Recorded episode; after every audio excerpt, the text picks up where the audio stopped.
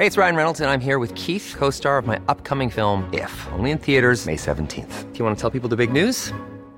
All right, I'll do. Sign up now and you'll get unlimited for $15 a month in six months of Paramount Plus Essential Plan on us. Mintmobile.com slash switch.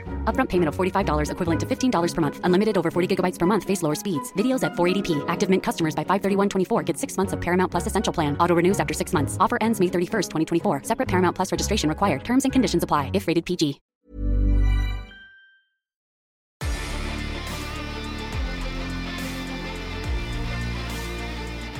Då kan jag säga hej och välkomna till den 13 decembers avsnitt av Militärsnacks julkalender.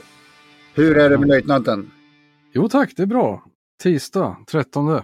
Det är ju Lucia. Ja, just.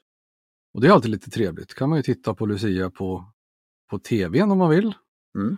Eller så har man tur så får man ett litet eh, Lucia-tåg till livs. Och på militära anläggningar så är det ofta så, i alla fall där jag har varit, att det kommer ett eh, Lucia-tåg från någon lokal eh, skola och lussar. Ja, det är fint. Det är fint och trevligt. Ja. Idag är det Lucia den 13 december och eh, vad säger din ölkalender? Finns det någon speciell öl som passar just för Lucia? Mm. Det skulle jag kunna säga. Vad ölkalendern säger kan jag få återkomma till, men jag vill svara på frågan där om Lucia då. Ja, just det, det var så jag menade. Ja, ja men då, då förstod jag rätt. Jo, alltså det finns en öl som eh, heter Lusselelle Ja. som är svensktillverkad. Och eh, det är en, en syrlig öl eh, och eh, den ligger på 6,5 procent, kostar 32,90 eh, när vi ändå pratar om den. Men den har, den är väldigt, väldigt syrlig, men den har en tydlig karaktär av just saffran då. Ja. ja. Ja. Så Det det, det, sk- det skulle väl vara den då om vi pratar Lucia. Ja. Men jag är, ju- inte jätteförtjust, jag är inte jätteförtjust i saffran. Okej. Men sura öl går bra. Sura öl går bra. Ja, bra. Vad har du för öl i din lucka då? Mm. I luckan, lucka nummer 13. Och då är det ju tisdag och då tänker ju alla, ja nu blir det alkoholfritt igen.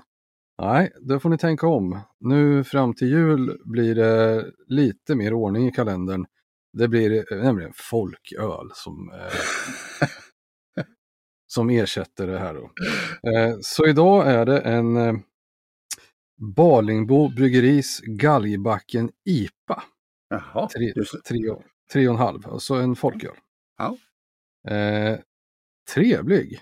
Den här finns ju som riktig öl också, men, eh, ja, men den är trevlig att, att se på. Lite ljust bärnstensfärgad. Doftar lite kåda och sådär, som man, eh, som man vill att den ska. Eh, den smakar lite, ja men lite alltså, åt citrushållet om vi pratar apelsinskal. Mm. Eh, och, och lite tallkåda och sådär. Mm. Den, den skulle man kanske säga att den befinner sig i mitten på det humlearomatiska spektrat.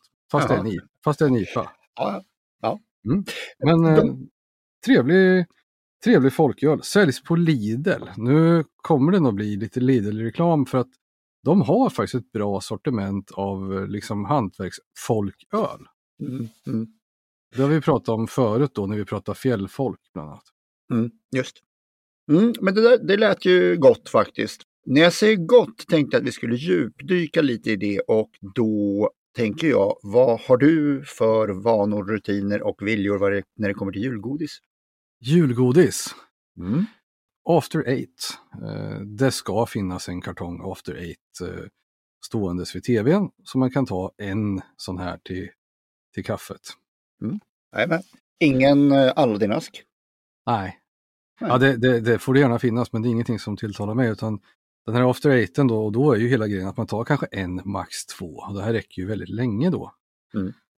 Jag har faktiskt en, en, en till faktiskt som Jaha. jag tycker, som jag, som jag gillar. Och det är ju eh, gröna kulor, marmeladkulor. Ja, ja. Mm, ja, men man ska ha rätt eh, grejer på bordet och eh, bjuda på, det, så är det. Eh, jag tänkte gå till en helt annan grej och tänkte gå lite under ytan för att eh, du vet att jag är fascinerad av andra världskriget och främst av allt så eh, tyska grejer och här kommer vi då till det tyska ubåtsvapnet. Mm.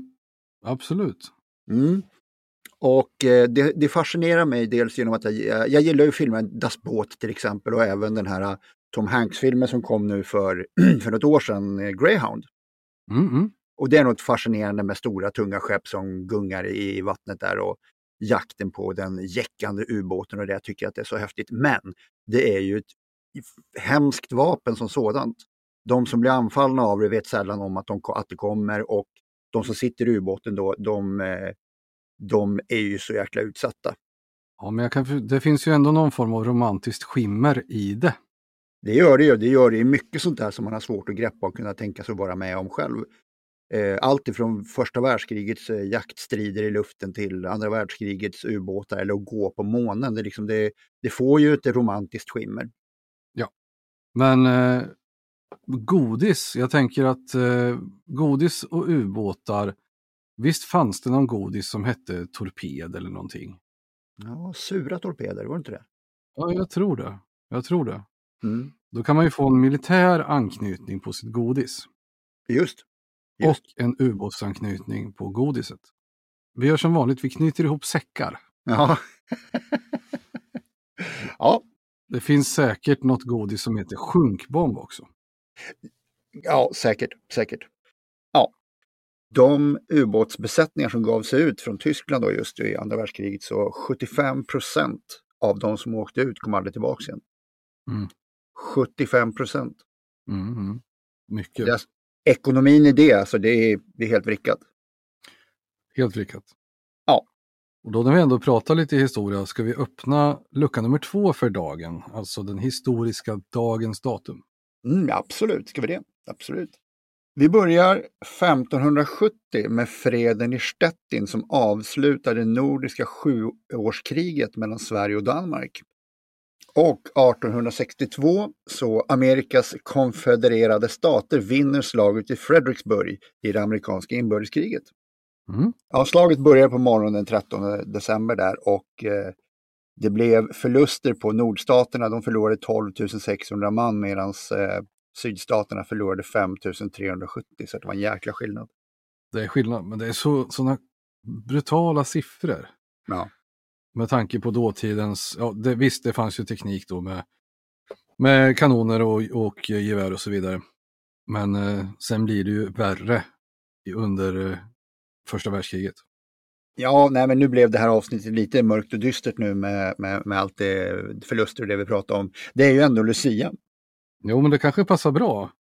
Lucia är ju, kommer ju och lyser upp i mörkret och eh, det ska ju vara mörkt just den 13 december. Det finns ju olika, olika historier om det. Men eh, en, alltså att man firade helgonet Lucia på årets mörkaste dag. Och eh, det var ju vintersolståndet, men enligt den julianska kalendern, det, det var idag alltså den 13. Ja. Men eh, sen när man övergick till den gregorianska så för Sveriges del på 1700-talet så är ju vintersolståndet 22 december. Men Lucia är ju kvar. Så det, det, är ju ett, ett mörkt datum. Dessutom så är det så att enligt nordisk folktro så var den 13 december en farlig natt. Där man trodde att övernaturliga makter var i rörelse och så vidare. Och att djuren kunde tala. Mm. Ja. Det var ju som att julförberedelserna skulle vara klara på Lucia-dagen. Och det firar man med att käka och dricka lite extra.